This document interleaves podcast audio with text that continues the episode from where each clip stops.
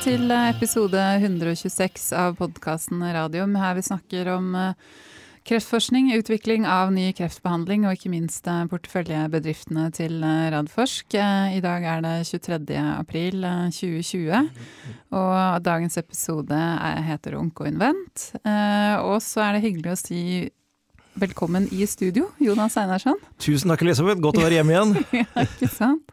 Det er hyggelig å se deg igjen. Ja, Vi har ikke engang sett hverandre på video på halvannen måned. Nei, det er eh, sant det. Så ja. det, er, det, det, blir fryktelig mye Teams og andre møter eh, for tiden. Men det er veldig hyggelig å kunne få ha ett møte hvor eh, man, man ser menneskene hele tiden. Ikke sant. Og så er det jo heldigvis Vi er innafor alle smittevernbestemmelser. Det er god, god avstand, og antibac står sentralt sentralt på bordet her. Og så er det veldig hyggelig å si velkommen til Jan Alfheim, administrerende direktør i Onko Invent. Ja, god dag. God dag. Godt å ha deg tilbake. Takk skal du ha. Ja. Vi skal høre mye mer eh, fra deg og Onko Invent eh, litt senere, men vi må begynne med det vanlige aktuelt skjedd siden sist. Eh, forrige uke så prøvde vi å ha deg med på telefonen, Jonas, eh, når vi hadde besøk av analytiker Pål Falk fra Arctic Securities eh, her i studio. Men det ble litt sånn vanskelig teknisk. Ja. ja så du, vi måtte koble, koble, deg av, holdt jeg på å si. Eller du kobla kanskje deg av deg selv. Men det jeg bare lurte på, var om det var noe som Pål snakket om, eller sa som du hadde lyst til å kommentere på? Nei, egentlig ikke. Jeg hørte nøye gjennom eh, resten av podkasten med dere etterpå, og jeg tror Pål og jeg er eh, i stor grad på linje med vår vurdering av selskapene, eh, og hvilke potensialer som, som ligger, ligger i de. Eh, så det var ikke noe, noe, der som jeg tror at vi, vi hadde vært noe uenige om i, i forbindelse med, med, hans vurderinger av selskapene. Så det, det var svært interessant. Og, og Pål er jo, Falk er en eh, svært eh, oppegående analytiker. Det er, ikke, det er ikke alltid jeg har vært like enig med alle analytikere opp gjennom årene, men jeg syns han har en god oversikt over det som foregår i, i sektoren vår. Så bra. Eh, da er det, kan vi gå videre til eh, Vaxibody. De hadde jo en markedsoppdatering eh, forrige uke på torsdag. Um, vi skal ikke bruke all verdens tid på den, for vi skal ha med oss Agnete i studio og forhåpentligvis Mikael på telefon fra Danmark neste mm. uke. Men uh, vi kan ta oss tid til et par kommentarer. Ja, eh, det var en, igjen en god presentasjon fra, fra Voxybody. Eh, det var betryggende å, å, høre at de er i rute med egentlig alt, så vidt jeg kunne, kunne se. Og de, de, sier jo at de er, er, on track og har fortsatt med sine inklusjoner, og melder fortsatt at den skal være ferdig med den neantigenstudien i inkluderingen i 2020. Så det er bra. Og fortsatt 100% manufacturing. Ja, eh, altså det er de veldig imponerende. Har fortsatt ikke bomma på en eneste av de pasientene de har, eh, har produsert vaksine til på seg i selve produksjonen, og det, det begynner jo å bli ganske betryggende. Mm. Syns jeg er positivt. Og så er det jo veldig spennende å snakke med Agneta om, om uh, vaksinasjonsplattformen, som de nå endelig har, har kunnet satse uh, mer ressurser på. Den har jo ligget der hele tiden. Dette var jo den store diskusjonen i noen år, når jeg var med og starta Vaxibody og de, de, første årene i styret der, var jo dette er så bred plattform med så mange muligheter til å bruke teknologien. Hva er riktig å satse på først? Og, og de valgte jo å gå da denne veien med HPV-vaksinen først, og så neantigen, og nå kommer da vaksinasjonsteknologien. Og da å anfatt ansatt uh, Gunstein Norheim er jo det er, det er, det er bra. Uh, og de har jo det er jo ikke sånn at de har gjort dette pga. koronakrisen, for dette er jo sånn eh, som ikke skjer over, over natta. Så dette har de jobbet med en stund. Eh, og det er veldig, veldig spennende, og det håper jeg Agnete kan bruke litt tid på å fortelle oss. Eh, også dette med ikke bare at de med sin teknologi lager solide og, og gode CD8-celler som varer lenge, det, det, har vi jo sett tidligere. Men at de også nå understreker at de også produserer antistoffer med den teknologien. Og Da kan man jo tenke seg at dette kan være en vaksine som kan brukes kanskje litt ut i sykdomsforløpet også. Ikke bare som profylaktisk vaksine, men det får Agnete gå inn i. Dette, er, det, dette kan jeg for lite om, men jeg syns det ser spennende ut. Mm. Vi gleder oss til å høre mer om det neste uke. For å si det sånn, eh, det er jo Altså noen har stang inn, og Vaxibody er et av de selskapene som definitivt har stang inn. De har, de har truffet, men må du huske på at vi, er, vi, vi jeg var med og stifta Vaxibody i når da? I hvert fall 2007. 2007, ja. ja. Så, så, ja, det, det har allikevel tatt litt tid. Ja. Det tror jeg Jan kan skrive under på at det, det, fleste tar tid. Han har jo vært med på noen flere løp, han også. Ja, det kan jeg bekrefte. Det tar litt tid. Det er ikke rett fram med alle disse teknologiene. Mm. Men jeg tenker også når det da går veien, så skyldes jo ikke det flaks. Akkurat som hvis man skal ta en sportsmetafor, det skyldes jo hard jobbing. Ja, og så plutselig har du marginene på din side, og så ja, går, det, er, går det, det, veien. Det tror jeg gjelder de aller fleste av selskapene våre. Ja. Um, I tillegg så har uh, Targovax uh, sendt ut en melding om et nytt samarbeid med noe som heter Valo Therapeutics. Uh, hvor de skal utvikle en ny type raspeptider som et belegg rundt onkosviruset. Da for å forsterke en immunrespons mot mutantrass. Um, og der skal jeg ærlig innrømme at den pressemeldingen eller børsmeldingen har jeg lest ganske mange ganger, og jeg skjønner det ikke hva de skal gjøre her.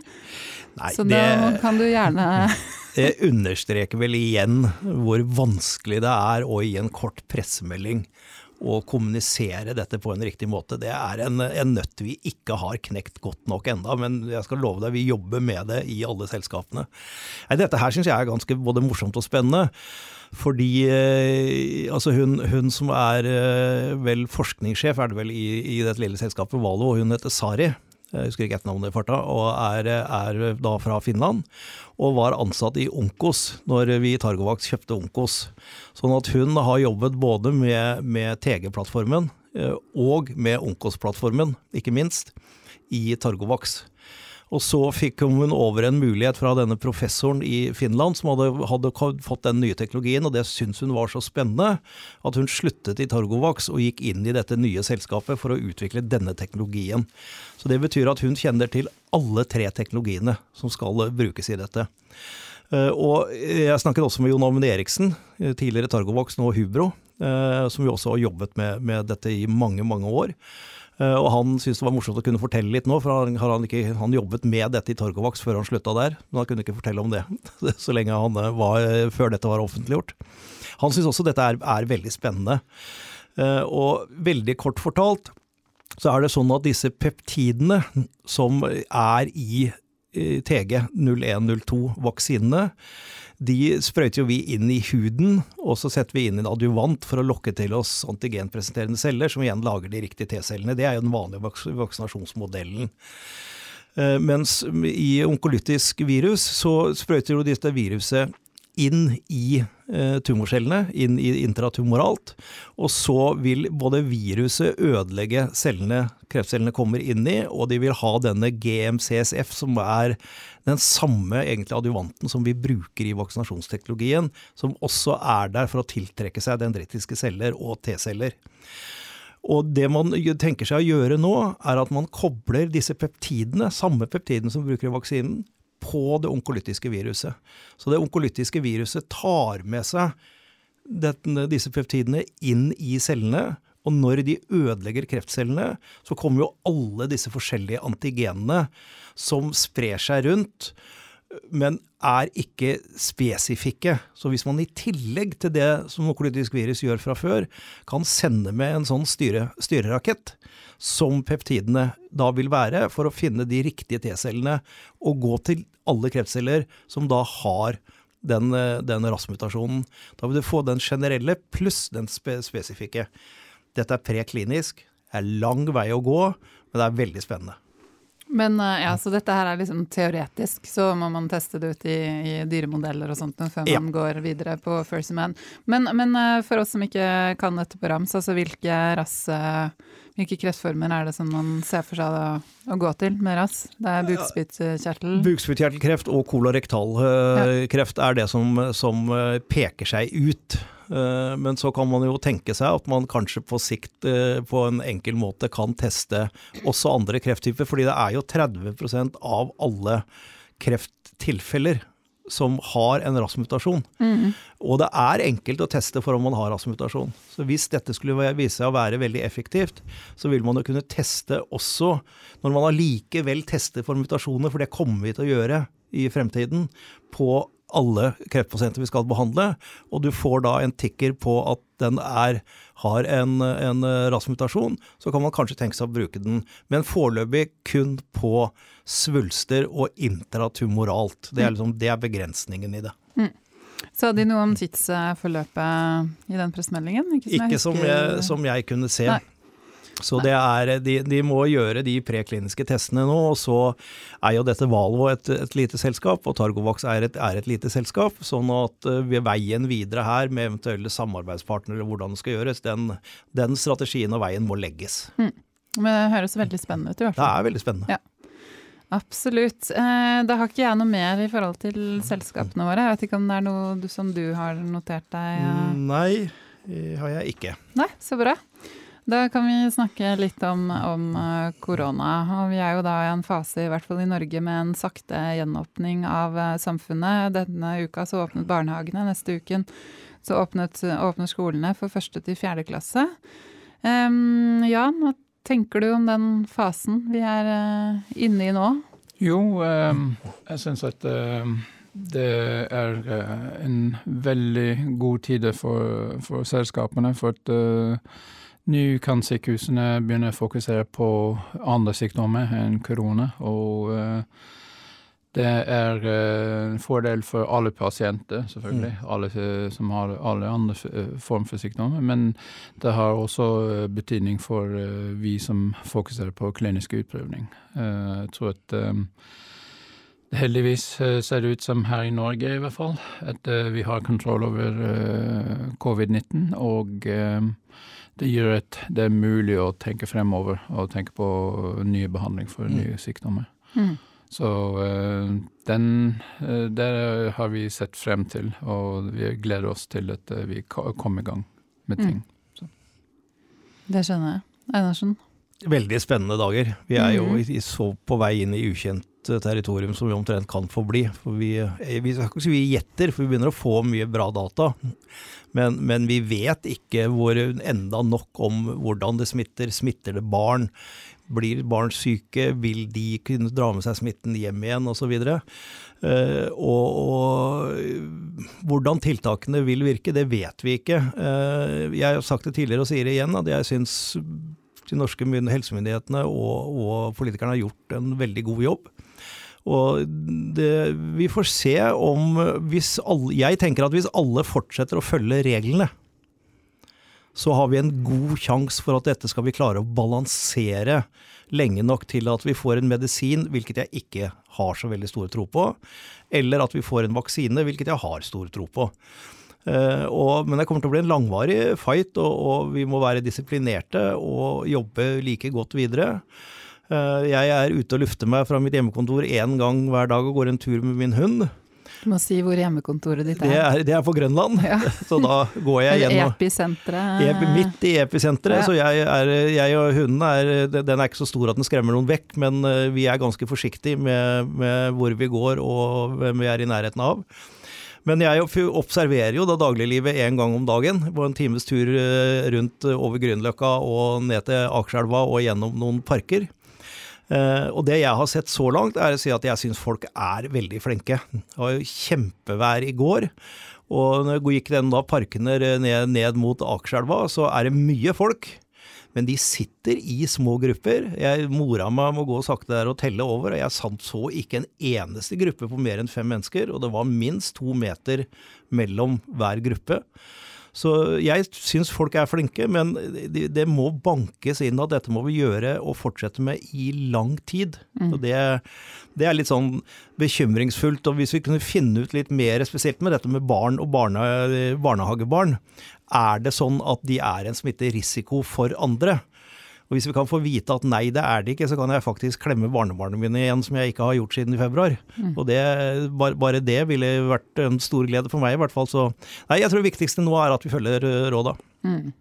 Ja, fordi jeg så Camilla Stoltenberg, eh, som leder Folkehelseinstituttet, var ute nå og sa at, eh, at, at folk blir jo trøtte av dette her. Altså, vi blir slitne av å holde avstand. Det er jo veldig sånn naturstridig for oss eh, mennesker. Eh, jeg også tenker jo veldig på den der med, med barnebarn, eh, altså mm. mine barn, som ikke da kan være sammen med sine besteforeldre. Dvs. Si, de kan gå på tur sammen, men de må liksom holde avstand. Det er veldig unaturlig.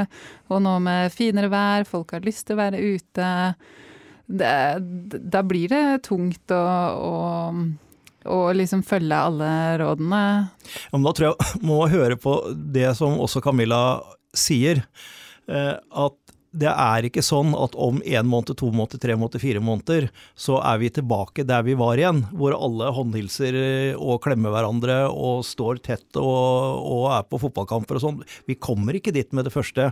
Så vi må mer se på dette som den nye normalen. Mm. Og, og det blir spennende å se om ikke dette har gitt oss så mye lærdom at vi faktisk skal være, opprettholde visse avstander, skal være forsiktige med å håndhilse, med å klemme, også i fremtiden. For hvis vi gjør det opp, Vi skal ikke ha disse strenge tiltakene her, men hvis vi finner en ny normal på det, så kan kanskje neste influensasesong være atskillig mildere i Norge eh, og andre land enn den har vært tidligere. Så jeg tror skal, det er en mental innstilling og omstilling som må til. Mm. Eh, du og jeg bor jo tilfeldigvis i samme kommune, Nittedal. Der er det litt greiere å holde avstanden, syns jeg i hvert fall, enn det jeg merker eh, midt, midt i byen.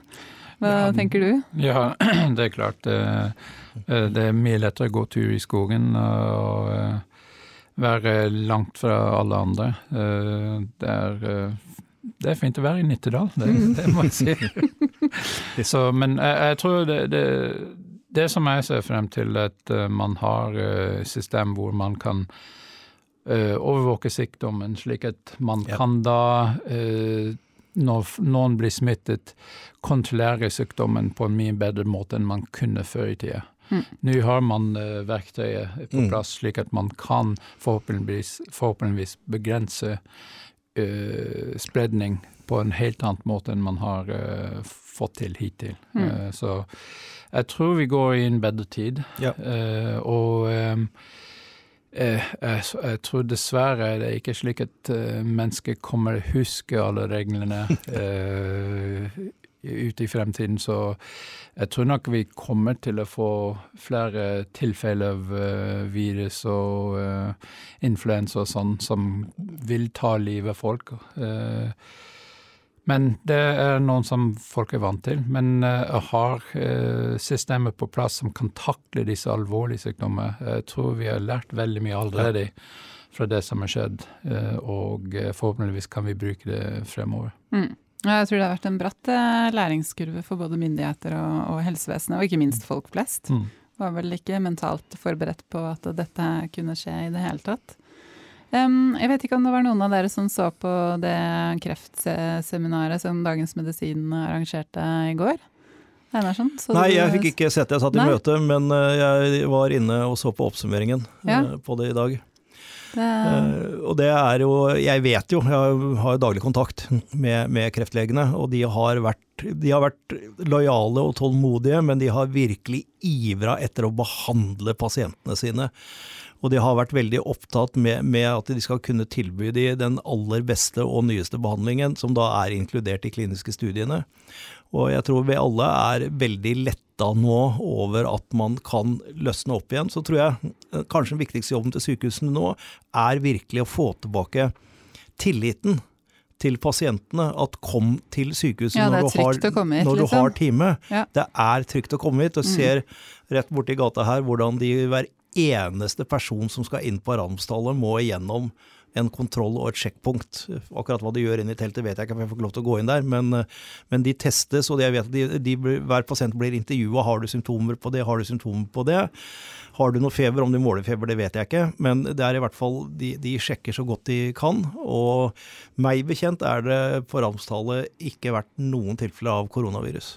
Nei, og det her syns jeg også var litt interessant på det seminaret i går. For de snakket jo da med kreftleger fra hele landet alle sykehusene. Og jeg tror altså de har hatt eh, si totalt da, kanskje fem, fem, kreftpasienter som også har hatt smitte med, med korona. Mm. Og, det, og, det, er det. Så de har jo virkelig klart å, og på en måte hindre at kreftpasienter som er en sårbar gruppe, ikke blir smittet. Ja. Men i samme åndedrag som kreftlegene snakket om dette, så var de jo også bekymret, nettopp fordi de har fått færre henvendelser, de har fått færre patologiske prøver. Mm. Sånn at det er på en måte noen mørketall der ute nå som kan være litt uh, skumle. Men så var jo også oppsiden å høre var jo hvordan de har vært veldig flinke til å ta i bruk uh, digitale virkemidler. Bruke videokonsultasjon, mm. bruke telefonkonsultasjon. Uh, også at pasientene har følt seg trygge og ivaretatt og, og vært takknemlige ja. for det. Det tror jeg også blir en del av den nye normalen. Når dette så bra, fungerer så bra som det gjør nå, hvorfor kan vi ikke fortsette med det der, der hvor det er hensiktsmessig? Ja. Istedenfor å stappe 20 pasienter inn i samme bussen fra Larvik og Tønsberg, hvis kanskje ti av de kunne vært gjort i en videokonsultasjon allikevel, og er på sykehuset når det er nødvendig. For det skal de når det er nødvendig, men vi kan nok tenke oss en litt ny normal der òg. Ja, en form for desentralisering, ja. Ja. faktisk. Eh, Eller så var det jo et eh, læringspunkt som flere av de tok opp, at eh, når man bygger nye sykehus, og dette kommer jo spesielt fra vår gode venn Andreas Stensvold på Kalnes, som er det nyeste sykehuset, at det er så viktig å ha nok areal, nok plass. Fordi sånn som vi sitter nå, vi kunne jo vært mange flere her inne, men av smittevernhensyn så skal vi ikke være nærme, og det kjenner de godt på der. Så det går jo rett inn i en viss diskusjon om utbyggingen av Gaustad. Det kommer nok noen kronikker i Aftenposten om dette med å ikke bygge høye tårn. Det, vi får se, det er sikkert noe å lære. Det er mm. viktig å gå igjennom og se om det skal ha noe innvirkning, nettopp på hvordan vi bygger sykehusene i fremtiden. Men der synes, mener jeg husker at eh, Åslaug Helland som var med, så nå er, er hun blitt eh, leder for kreftforskningen ved OUS? Ja, hun har fått en ny rolle. Hun har, hun har fått en ny, ny rolle. Ja. Jeg tror det er eh, Ja, jeg er ikke helt sikker på, på Ja, forskningsansvarlig. Tror, tror, jeg det er. Jeg er ikke helt sikker på hva tittelen er, men, men eh, hun, hun, skal fortsette å jobbe som kliniker og jobbe med kliniske studier òg. Men hun sa i hvert fall at hun mente at de satt og så på de planene nå, i forhold til å ja på Gaustad i forhold til å ta rom for at uh, de treng, trenger det arealet. Um, det siste jeg skal ta med som hun sa også, er jo nettopp det med kliniske studier. At de har jo da satt en mellom 30 og 40 kliniske kreftstudier på vent, men at de nå går i gang igjen med både de studiene som, gå, altså som går, og de nye studiene. Så det er jo I så fall så har det jo ikke vært en så lang pause egentlig med en stopp. Nei, det har eh, faktisk vi, vi, Både selskapene har sendt ut meldinger, og, og vi har også fra Ralfrens side sagt sånn eh, generelt sett at vi, det er, var et potensial for at vi kunne få store utfordringer med inkludere pasienter. Uh, i, i, studier, og, og, de sa også nå at de skulle ta opp igjen de studiene som var i gang Eh, men nye studier skulle fortsatt avvente litt. Men det er nye studier. Det betyr at det er studier som ikke har vært igjennom de formelle tingene, som å få REC og SLV, disse, disse godkjenningene. Ja, så de er ikke godkjent? Uh... Nei, det, altså de som har fått de godkjenningene og er klare, selv om de ikke har inkludert pasienter ennå, de regnes som åpne studier. Så de vil også komme i gang og rullere videre. Og dette gjelder jo flere av selskapene våre, inkludert Jan. Vi skal høre mer om, om, det snart. Ta med oss litt mer om, om eh, korona først. Um, Smitteappen til Folkehelseinstituttet den er ganske omdiskutert. Uh, har, vært, en både personvernhensyn og noen teknologer mener jo at den kanskje ikke fungerer og, og kan levere den lover.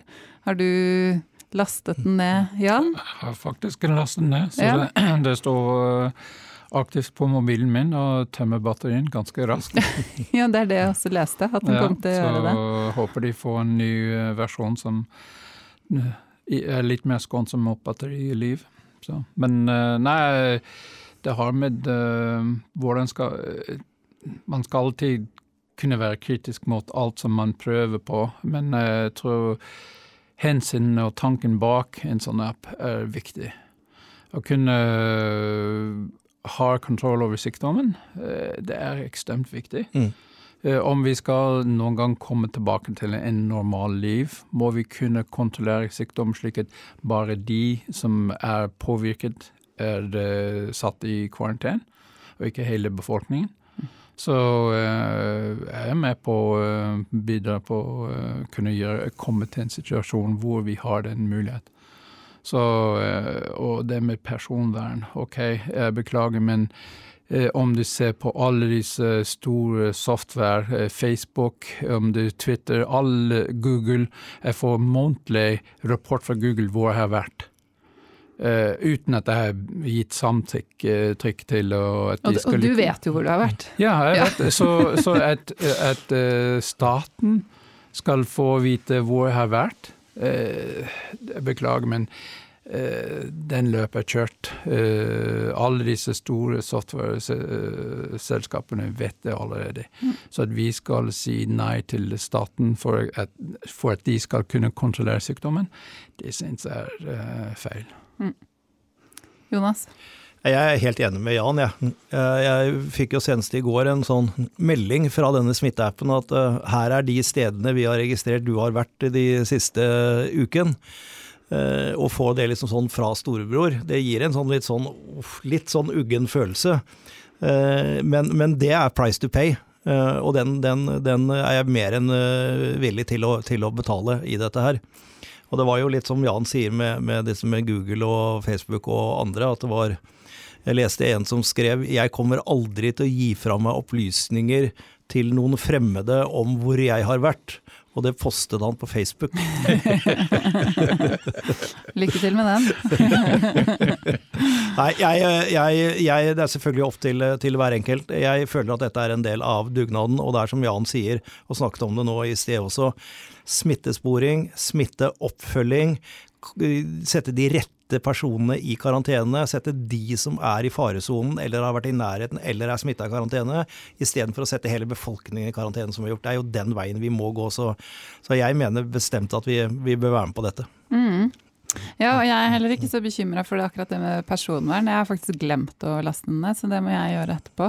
Men, men, eh, men det jeg ble liksom perpleks på, var nettopp det at den skulle logge når du hadde vært 15 minutter i nærheten av noen. Fordi 15 minutter i dagens samfunn er ganske lang tid. Det er ikke så ofte man er 15 minutter. Altså vi kommer til å være her mer enn 15 minutter. Um, Nei, det, så, jeg, så, akkurat den ja. kommentaren til hun Ida Aalen, som hun heter, jeg kan dele den etterpå en veldig dyktig interaksjonsdesigner som mener mye om teknologi og har på en måte en teknologisk kunnskap om det.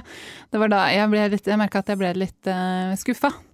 Det var det rette ordet. Jeg leste det samme, og jeg er enig. Jeg tenkte hvor effektiv vil den da være når kriteriene er såpass, uh, såpass mye? Men uh, ja, det er, det er, vel egentlig kanskje for å, å, å spore opp de som kanskje er litt uforsiktige. Ja. Kanskje. Eh, og, og, har liksom gitt bengen en dag og gått eh, tur sammen eh, tett inntil hverandre i mer enn et kvarter. Og ikke tenkt noe over det. Kanskje når man begynner å løsne opp, at man får en påminnelse om at ops, nå, nå, får vi inn flere meldinger. De ser ser, plutselig ser et kraftig økning i meldinger om at folk har vært veldig nære hverandre. Kan man kanskje stramme inn litt, jeg vet ikke. Men, mm. Ja, den kan ha en um en, en sånn påminnelsesverdi ja. som man ikke skal se bort fra. Det er sant, det har jeg ikke tenkt på. Eh, hvis vi flytter oss litt til, eh, til eh, det globale, så så jeg at Moderna, som da utvikler en av disse vaksinene mot eh, koronaviruset, de har akkurat mottatt 5 milliarder kroner fra noe som heter BARDA, Biomedical Advanced Research and Development Agency, som er, en, del av et føderalt amerikansk eh, beredskap. Um, her tenkte jeg kanskje å lene meg litt på deg, Jan. Du kanskje kjenner litt mer til Barda enn uh, andre. Har du vært borti de? Hva slags funksjoner har de i Nei, jeg må beklage, skuffe det. Jeg har ikke vært borti Bardet før, så jeg kan ikke hjelpe dem med det. Nei. Einarsson? Nei, jeg har jeg lest den nå, men jeg, jeg, har heller ikke vært noe borti den. Det finnes jo mange sånne forskjellige eh, institusjoner og funksjoner, spesielt i, i USA, og, og, tilsvarende også i England. Eh, men, det men, blir det riktig å forstå at de på en måte har en beredskapsfunksjon eh, i USA? Og at de på en måte kan eh, steppe opp eh, i en sånn type pandemisituasjon man, uh, hvor man trenger å være beredskap, i og med at de har da midlene til å Ja. ja. Det, det, det er riktig. Det, det, er, er en offentlig institusjon som har mye penger, Ja. og kan sette inn disse pengene i krisetider, i prosjekter som kan være med å løse en krise. Mm. Og, og da, da er det spesielt innen, innen dette her, og det er jo tydelig at de da tror at Moderna er en av de gode kandidatene, og det, det tror vel mange at, eh, at de er. Om det er den eller Oxford-gruppen sin, eller andre vaksiner som, som vinner frem til slutt. Dette er jo et, eh, et rotterace av, de- av de store, hvor, hvor førstepremien er ganske stor. Mm. Så det er jo mange som legger inn, inn eh, mye her. Men, eh, men ja, Moderna er nok én av, av flere gode kandidater. Ja, for det fem milliarder norske kroner er jo ekstremt uh, mye penger. Så Det det. jeg tenker at de må jo ha en vektig grunn for å på en måte gå inn med så mange penger til, til én av, eh, av vaksinene som blir Jo, men det, det, de, det de gjør, det er at de sier at kandidaten til Moderna er såpass spennende at vi tror det er sannsynlig at dette kan være en kandidat som kan gi de gode, de gode resultatene. Og hvis de gjør det, så, skal, så oppskalerer vi prosessen med å produsere allerede nå og parallelt. Mm. Det er jo noe som senere, i vanlige tilfeller, så vil jo ikke det gjøres før resultatene er kommet. Og det å oppskalere en sånn manufacturing process til worldwide, det koster mye penger. Så det er det de sier, at vi skal ikke kaste bort den tiden. Hvis det blir positivt, hvis det viser seg at resultatene ikke er gode nok, så har de kasta bort de penga. Ja. Men da sier jeg at den sjansen tar vi for å, ikke, for å kanskje kappe ned tre-fire-fem måneder til på utviklingen. Så det, det er grunnen til at de satser så mye. Ja, og det, de fire-fem månedene betyr jo ekstremt mye. Ja. Rett og slett. Eh, Og apropos Moderna, så er det jo i gang med den andre vaksineringen eh, i fase 1-utviklingen av vaksinen. Eh, Det kan i hvert fall tyde på at den tåles godt. Det, man ser jo ikke på noe effekt, eh, ser jo ikke noe effekt enda. Nei, er, jeg går ut ifra at det har vært gjort på friske frivillige. Ja, Og, men det gjør det. Og, ja, og Mm. da er det bivirkninger man, Mm. man ser etter. Og da har man tydeligvis, så langt, i hvert fall ikke sett noe. Alvorlige bivirkninger. Nei. Eh, og så så jeg også at det var en mindre studie som er blitt eh, gjort på um, jeg tror det var amerikanske veteraner, som tyder på at klorokin, altså den eh, malariamedisinen, og klorokin sammen med antibiotika, den rett og slett forverrer tilstanden til eh, koronasyke. Um, den er jo ikke peer-reviewed, så man må bare ta det forbeholdet. Har du hatt tid til å se på den, eh, Jeg har kikka litt grann på den. Det er fortsatt en relativt liten studie. Mm. Eh, Men det er denne type studier som er viktige nå for å si Hvis den hadde vist sånn 100% at det går veldig mye bedre med de pasientene, så ville myndighetene vurdert ja, skal vi da slippe opp for å kanskje i visse former i hvert fall begynne å bruke medisinen nå? Men når det ikke kommer så tydelige signaler, og heller Det betyr ikke at den ikke virker, for det er altfor liten studie til det. Mm. Men det er heller ikke noe som sier at den helt klart virker. Og da bare understreker det riktigheten av at vi venter til vi får de resultater fra de internasjonale randomiserte studiene. Ja. Og at man ikke skal bruke den medisinen ukritisk uten annet enn i randomiserte og godt kontrollerte studier. Det er helt riktig. Da, Jan, er det, nå er det Onko-event for, uh, Ja. for alle penga. Vi snakker, holdt på å si, vi snakker om noe hyggelig nå, si. Um, kan ikke du aller først gi oss en eh, kort introduksjon til selskapet som du leder? Ja, det, det kan jeg gjøre.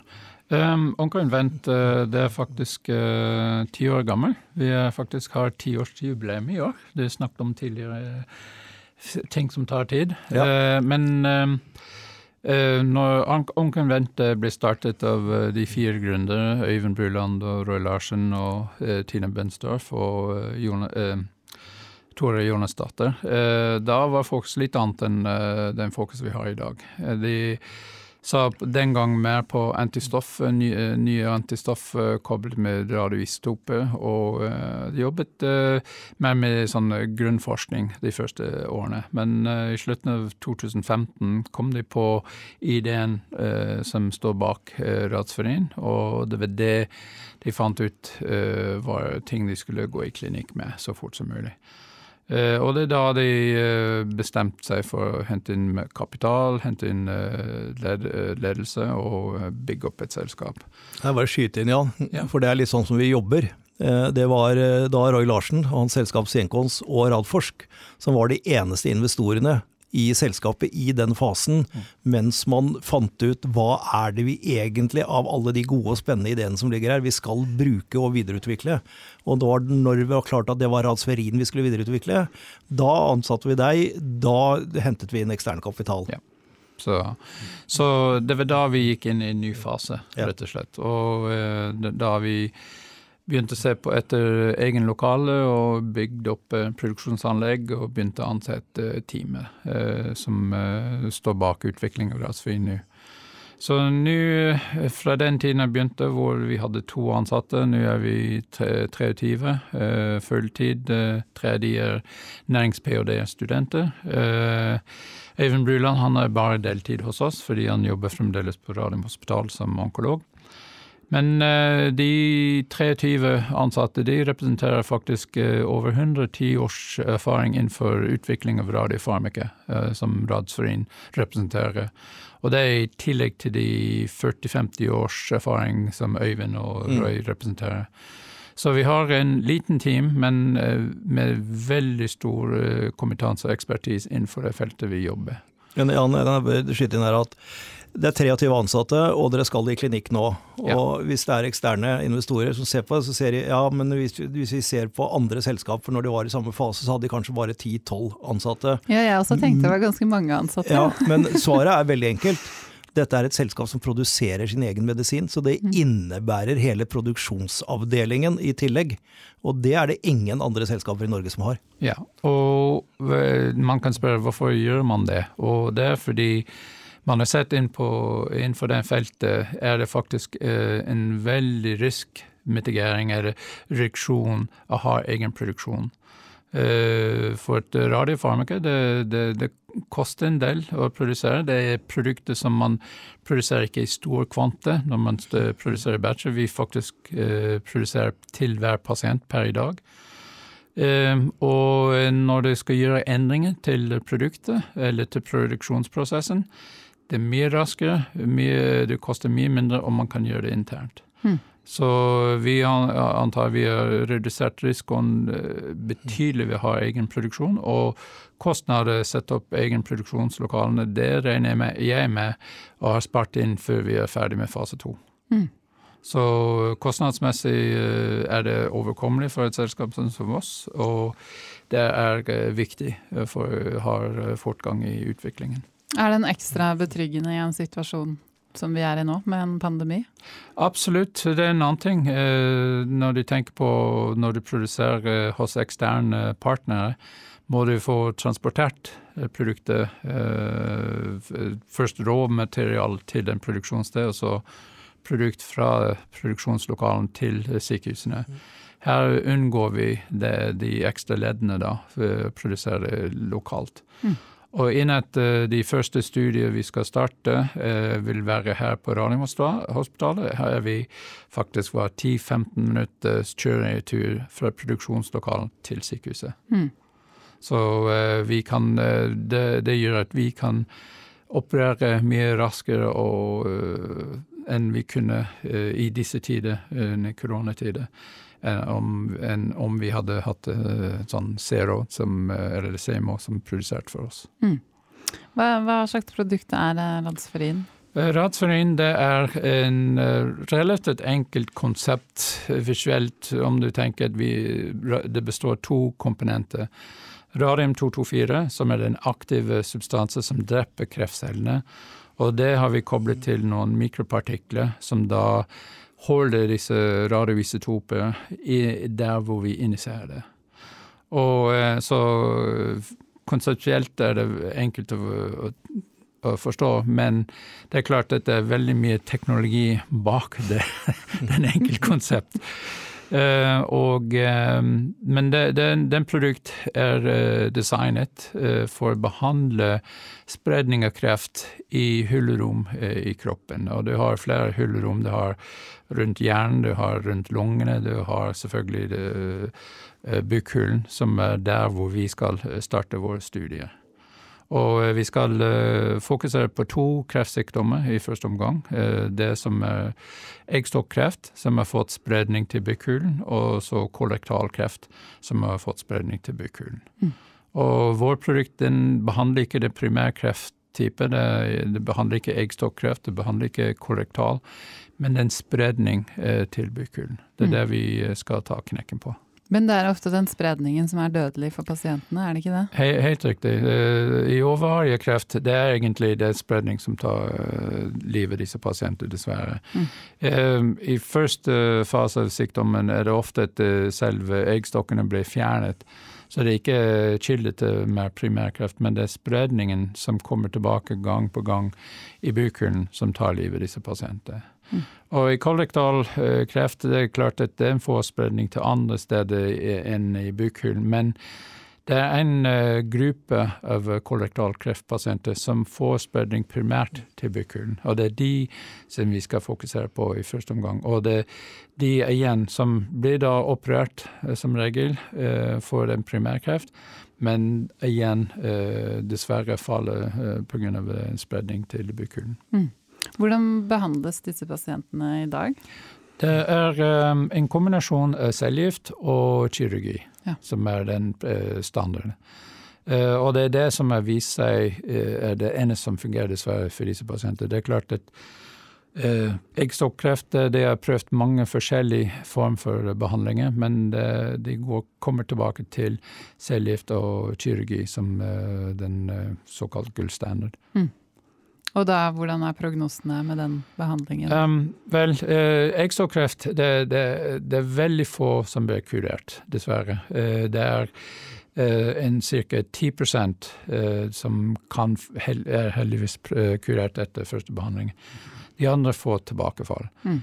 Eh, den første form for cellegift som disse pasientene får, er en platnebasert, så cis-platene, kabelplatne. Mm Eh, eh, cellegiftkombinasjoner.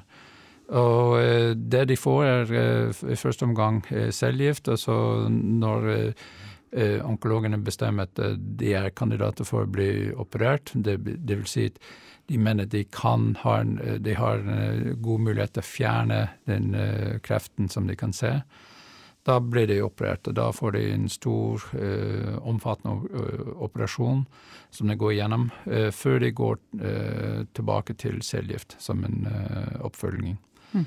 Nå er det slik at det er klart at det har eh, kommet nye medisiner på markedet, såkalt PARP-inhibitor mm. blant annet. Og den har en effekt, absolutt. men dessverre er det ikke en kurativt. Eh, behandling. Det, den kan forlenge livet til disse pasientene. Dessverre er det slik at de vil få tilbakefall, eh, til og med de som får disse nye form for behandlinger. Mm. Um, Kolorektalkreft er det samme. Det er cellegift og kirurgi som eh, de har tid til. Mm. Så dette er et produkt som er veldig etterspurt? Absolutt. Det er, vel, det er absolutt en medisinsk behov. Mm. Uh, for at uh, om vi kan gi disse pasientene uh, forlenget liv uh, over det de får i dag. For at uh, prognosen for f.eks. ovarikreftpasienter, det er det, flere, de fleste er, faller bort etter fem år. Og i kolorektal, de som får den spredning til bukhulen, er prognosen etter tre år at de fleste er borte, mm. dessverre. Så om vi kan forlenge den tiden eh, de, de har, det, det, vil være en stor eh, hjelp til disse pasientene. Mm. Eh, og dere skal inn i klinisk fase nå, altså teste tryggheten og effektiviteten i mennesker. Og dere har jo da fått disse godkjennelsene som dere trenger, skjønner jeg, fra både REC og fra, fra Statens legemiddelverk. Fortell litt om de kliniske studiene, hvor dere skal gjøre de ja, øh, vel, øh, det er riktig. Vi har fått øh, godkjenning fra REC og SLV her i Norge for begge studier. Den, I eggstokk- eller overvarekreftpasient og i kollektal. Vi har i tillegg fått godkjenning i Sverige for kollektalstudiet. Så vi kommer til å starte her i, på Radiumhospitalet eh, i, med begge studier. Og så, eh, etter vi har fått de første pasientene inn i kollektal, skal vi da starte opp i Sverige òg. Så lenge korona eller eh, covid-19 ikke gjør det umulig til å gjøre det. Mm. For det er klart at Sverige er i en annen situasjon enn vi er i Norge. det ser ikke ut som de har full kontroll ennå. Så vi kan fremdeles risikere at sykehuset blir stengt til, for forskningen. Mm. Så, men per i dag uh, er de åpne, og vi satser på å komme i gang der uh, etter vi har startet her på Radiumhospitalet. Mm.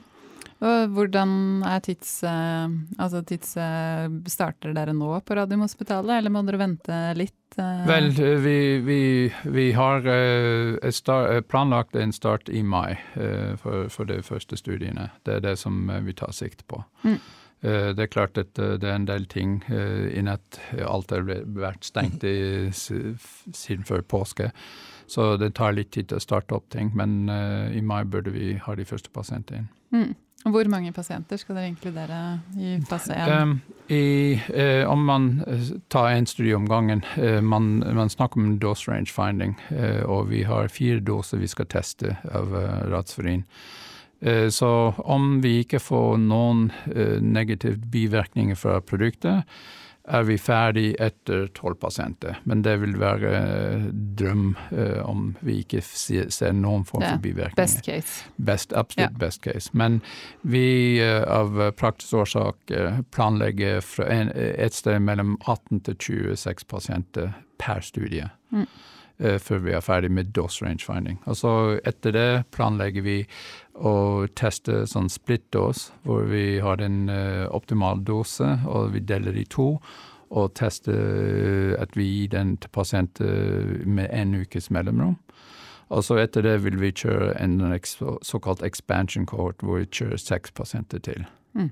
Så når vi er ferdig med det, da er vi ferdig med fase 1. Mm. Og det vil si hva er tidsperspektivet? Selv om det er veldig usikkert nå, ja, det skjønner jeg. Hvor lenge det Men si sånn at eh, det jeg kan si, er at um, vi vil da kjøre i hvert fall en pasient per uke. Og så må vi vente en måned for potensial bivirkning etter den tredje pasient. Og så må en safety review-komité se på dataene for å si ja, du kan gå opp til den neste dose. Mm. Så når du teller alle disse ukene sammen, eh, vil det ta ca.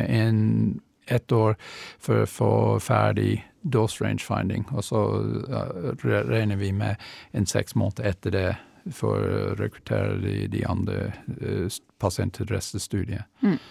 Um, vi har planer om å åpne uh, studiesites i Belgia og Tyskland òg. Men der uh, er det slik at uh, den godkjenningsprosessen i Tyskland tar lengre tid enn i Norge, så vi er ikke i mål der. Og i Belgia i tillegg, som du vet sjøl, covid-19 har virkelig tatt uh, grep på den befolkningen, og sykehusene er ikke åpne til å starte studiet ennå.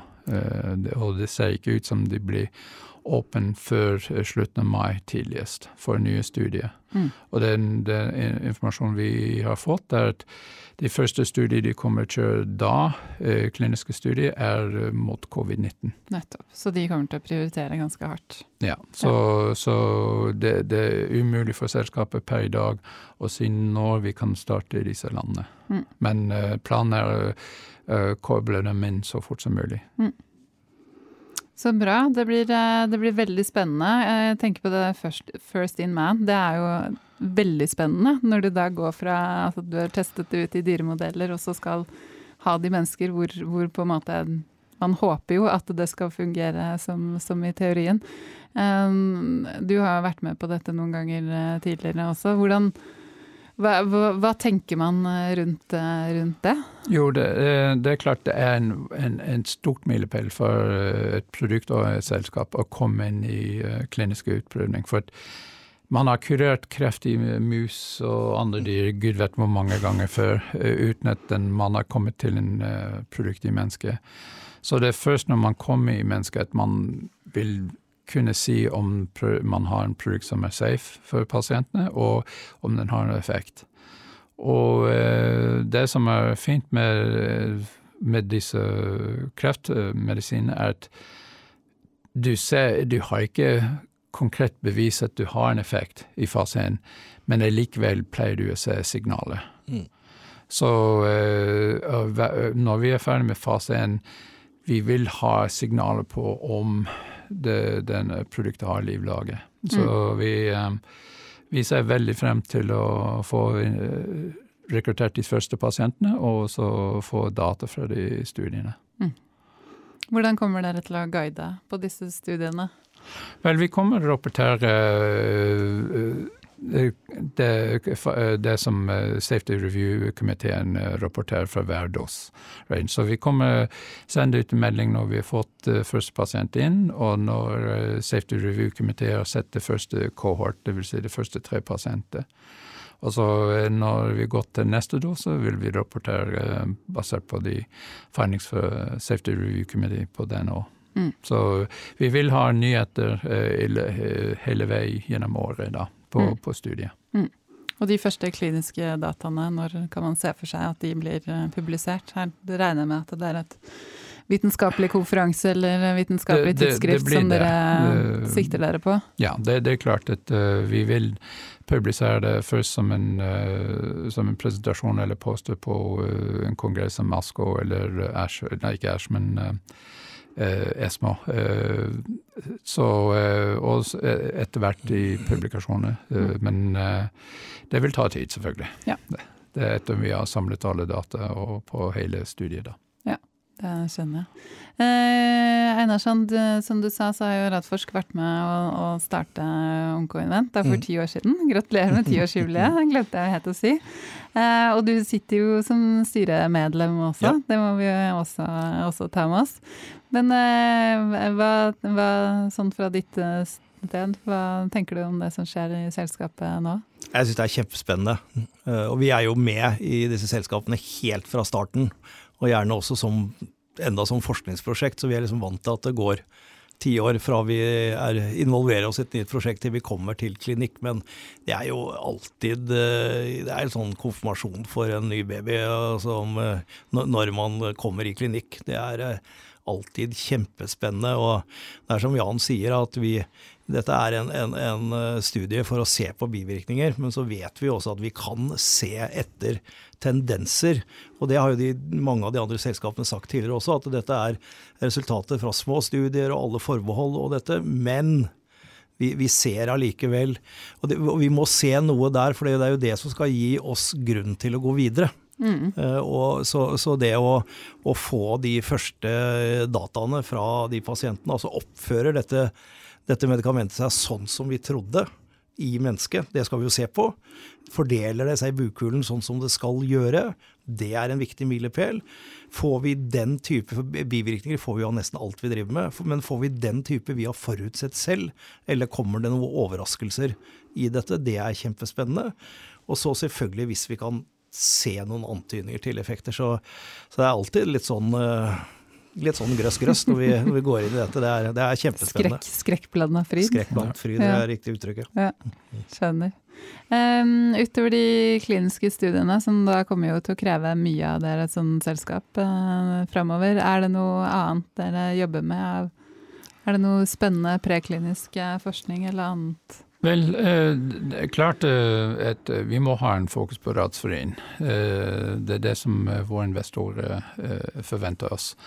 Um, så vi kommer å jobbe videre med rettsforening, se på uh, andre indikasjoner og uh, se på kombinasjoner. Uh, så det er en, en del av den prekliniske vi kommer å drive med. Men vi ønsker å ha sikkerhet i alt vi gjør, og det, det, er alltid viktig å ha backup plans på alt du gjør. Og ikke bare backup plans, men å bygge portfolio bak den første produkt. Så vi kommer å se på nye ting i tillegg til ratsfurin, uh, eh, innen begrenset omfang, selvfølgelig. Uh, mm.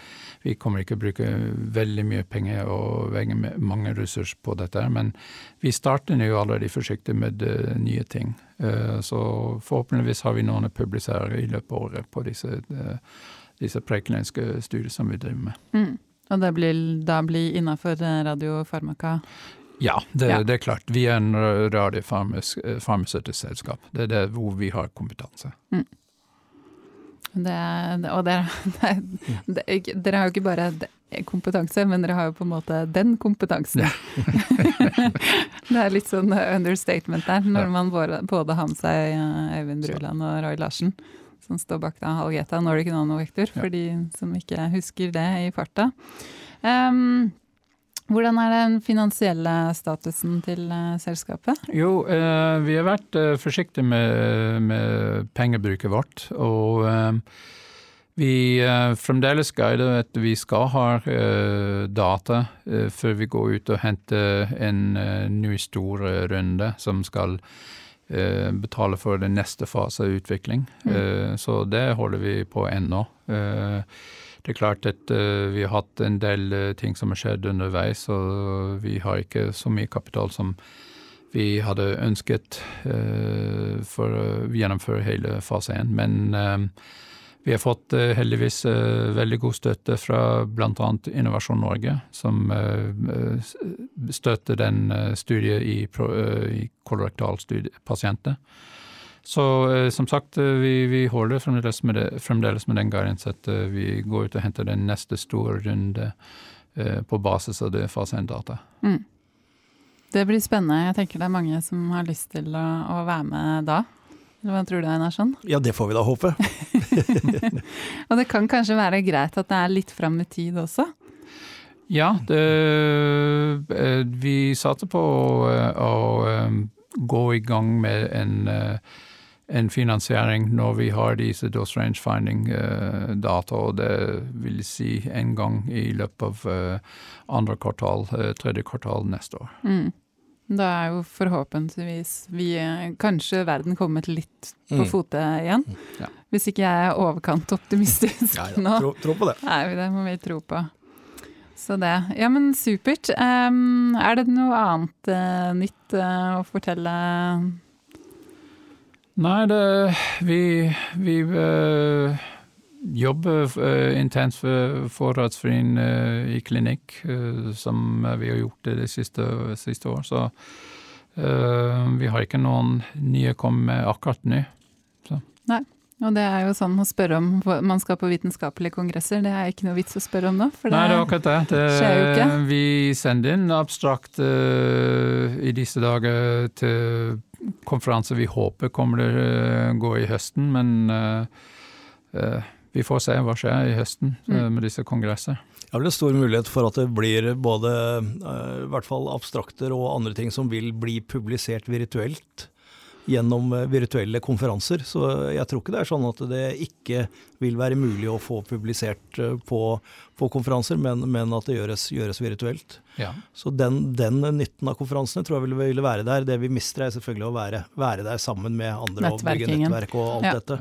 Men, men det å få publisert data, det, det tror jeg vi skal klare å få til. Mm. Forhåpentligvis med den samme impacten også. For det er jo litt Ja. Når man Da gjør det- det på den blir- måten, så Det blir jo samme, samme peer review og, og alt Ja. du må gjennom, samme nåløye for å få, få det publisert der. Så det, det vil, eh, jeg vil i hvert fall tro det, Jan, det vil få den samme vitenskapelige impacten. Absolutt, Ja. absolutt. Og det er klart det med tre, nærings-ph.d.-er eh, de genererer data som de ønsker å publisere, og eh, det blir en del publikasjoner i, i forskjellige tidsskrifter i tillegg. Eh, Mm. Så vi kommer til å sette dem ut på websida vårt eh, når det, når det blir publisert Mm. i tillegg. så bra. For de som ikke vet hva en nærings-ph.d. er, kanskje du kort kan si det? Jo, eh, det er eh, en, eh, en eh, student som ønsker å gjennomføre sin, eh, eller hans dok doktorgrad, eh, men ved en veldig mye fokus på eh, adventforskning Mm. istedenfor akademisk forskning. Så eh, det som skjer, er at eh, vi betaler eh, lønn til disse studentene, og til gjengjeld jobber de 30 av tiden sin på ting som er relatert til bedriften, og resten av tiden driver de med forskning. Mm. Og disse forskningsprosjektene det som regel er rettet mot ting som selskapet er interessert i. Og eh, vi har en nærings-ph.d.-student som eh, disputerte eh, i høsten. Hun heter Sara, Sara og hun, hennes forskning resulterte i patent på Radsforening og fire veldig viktige publikasjoner på Radsforening. Så selskapet har veldig stor nytte av sånn samarbeid med eh, eh, og universiteten. universiteten. Så bra. Får dere ikke noe støtte fra Forskningsrådet også til å gjøre dette? Jo, det er klart. Man, eh, Mm. man får støtte. Det, så at 50% av eh, lønnskostnader og en del av de kostnader relatert til forskning er dekket av, eh, av Mm. eh, Forskningsrådet. Det vinn-vinn for Ja. alle. Absolutt. Ja. absolutt. Så bra. Nei, men det, det blir spennende å følge, Jan, og lykke, lykke til. Og håper ikke dere blir altfor forsinket med da, den ganske sånn eh, koronasituasjonen som man ikke helt kan Altså man kan bestemme seg for ting, men så må man jo være forberedt på at man må endre ting ganske kjapt. absolutt. Så. Man må være dynamiske. Vi har noen spørsmål fra lytterne som vi, må, vi må ta helt på slutten. Eh, Det er ett om kliniske studier. Eh, Spørsmålet er de fleste, om ikke alle rådforselskapene, har meldt om en eller annen form for forsinkelse av innrullering og rekruttering av pasienter. Vaxibody derimot har meldt om at eh, Germany has as one of few countries not taken steps to stop enrollment of patients. Og så Spørsmålet er da Einarsson, om du vet om andre land eller stater i USA som fortsatt innrullerer pasienter? Det er et veldig dynamisk bilde. Det kan forandre seg veldig fort, og det er stor forskjell. Vi hadde dette oppholdet nå i Norge, eh, som nå er åpna opp igjen. Så vidt meg bekjent så kjører Sverige på som normalt, og har gjort det hele veien. Tyskland gjør det samme. Belgia i en veldig vanskelig situasjon. Asia, som noen av våre land, eh, nei, noen av våre selskaper også har sightsee, er i hvert fall Taiwan åpna igjen. eh, Og jeg tror kanskje Sør-Korea, om ikke de har åpna, så er på vei til å gjøre det. Det er blitt inkludert pasienter i noen av våre, våre studier i USA i denne perioden. Men hvilke stater og forskjellen mellom stater i USA, det vet jeg ikke. Men det tror jeg også vil gå si litt i bølger der òg. Altså de, de hardest rammede områdene som New York og, og Washington og disse har garantert stengt helt ned nå. Men de vil antagelig være de første til å åpne opp igjen. Og så kan det være andre steder på dette store kontinentet som da i en periode Så jeg tror vi skal se at i de aller fleste land må vi regne med at det er i perioder. Men jeg tror også vi vil se at de åpner opp igjen mye raskere enn det vi kanskje frykta og trodde. Og selskapene våre, og jeg også, har vært veldig sånn klar på at vi vet ikke, og, men for sikkerhets skyld så må vi si fra at her kan det bli, og blir i hvert fall noen, om ikke veldig lange opphold. Og så ser dette litt lysere ut nå, syns jeg, enn det jeg frykta i hvert fall. Så, så jeg tror dette her stort sett uh, kommer til å skape noen forsinkelser, men ikke så veldig mye. Og en av grunnene til det er at jeg har sett det er flere land som har meldt at de første studiene som prioriteres, det er studier, selvfølgelig covid-19, men, men det er jo ikke på kreftavdelinger det foregår. Og da er det studier hvor det er definert unmet medical need. Og det er alle, tror jeg jeg kan si, av, av studiene av våre selskaper som jobber innenfor unmet medical Needs, og de vil stå øverst på prioriteringslista. Mm. Så, så det er en utfordring, selvfølgelig er det det, men det er absolutt noe vi kan klare å håndtere, tenker jeg. Men hvilke studier er det de da prioriterer bort? Hvor man på en måte tenker at her har vi Du- Da blir jo vurderingen at man har tilstrekkelig god nok behandling. Ja, og det Ja. har du en ny blodtrykksmedisin. Ja. Du har god blodtrykksmedisin, men det kommer en ny en. Du tar pillen en gang annenhver dag istedenfor hver dag. Compliance-studier. Fase fire-studier hvor det alle, som bare er for å følge opp hvordan det går med pasientene. Alle disse typer studier. Men, men eh, hos oss så er det jo nesten inklusjonskriteriene utelukkende at de, de har ikke noen annen behandling. Nei. Og, og da, det blir den som er, er unmet medical need. Ja, men det er bra. Det er godt å høre. Eh, Ellers så har vi sånn sedvanlig et spørsmål om, eh, om vårt populære porteføljeselskap, PCI Biotech. In, ingen, De, eh, ingen, ingen, Ingen episode overraskelse der. De har jo da publisert årsrapporten for 2019, og så er det en lytter som lurer på om vi kan kommentere, for de har da skrevet i, i årsrapporten, kan prøve å lese det på noenlunde greit engelsk. In addition to T-cell enhancement, the FEMAVAC features also include antibody enhancement, suggesting that the technology has a clear potential to contribute to the development of new prophylactic vaccines for infectious diseases lacking effective vaccines. Prominent examples are malaria and tuberculosis. But there are also many other potential target diseases for FEMAVAC-based prophylactic vaccination. Ja, Du svarer på norsk, håper jeg. Jeg skal svare på norsk. Eh, Det De sier jo, de, de- har jo hele tiden nå vært fokusert på at dette skal brukes som kreftvaksiner, altså i terapeutiske vaksiner hvor det er en etablert sykdom. Og da, da er det jo T-celler, enten det er CD8 eller CD4, må diskutere hvem av de som er viktigst, men begge to må være til stede. Eh, men i profylaktiske vaksiner, der er det jo antistoffer som, eh, som er det viktige. Og det er jo, vi snakker jo om det nå, ikke sant. Vi skal teste, teste flest mulig mennesker, se om de har antistoffer, om de har gjennomgått sykdom. Fordi det er antistoffer, er det en som kan bekjempe virussykdommer og andre sykdommer.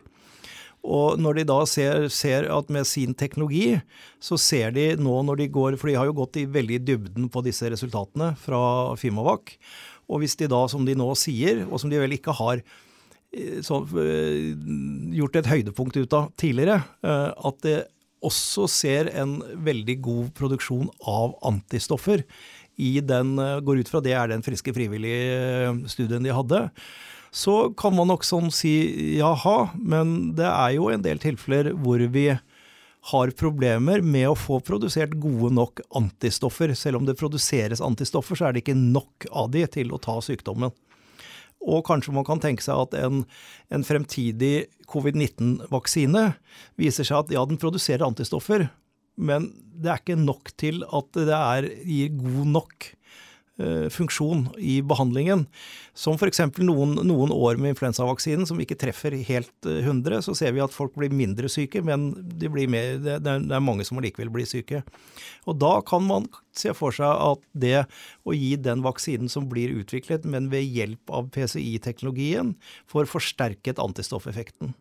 Dette er jo igjen veldig tidlig. og bare sånn, Dette kommer ikke til å skje med covid-19-vaksinen, men det er et, en mulighetsrom der for, for eh, senere vaksiner. Mm. Og vaksiner det trenger vi jo mot mye annet enn covid-19, for ja. å si det sånn. Det fins barnevaksinasjonsprogram og andre, andre sykdommer. Eh, supert. Det, det, var det. Tusen hjertelig takk igjen, Jan, for at du tok turen inn til studio. Og som sagt, lykke til eh, videre. Ja, takk for det. Så du og jeg ses kanskje neste uke igjen. Vi satser på det. Ja, satser på det. Og da er det med Waxybody, som sagt, og Agnete og Mikael. Det vil jeg gjerne være med på. Det vil du være med på. Det er greit, da kommer du inn, da. Ja. ha det bra. Ha det.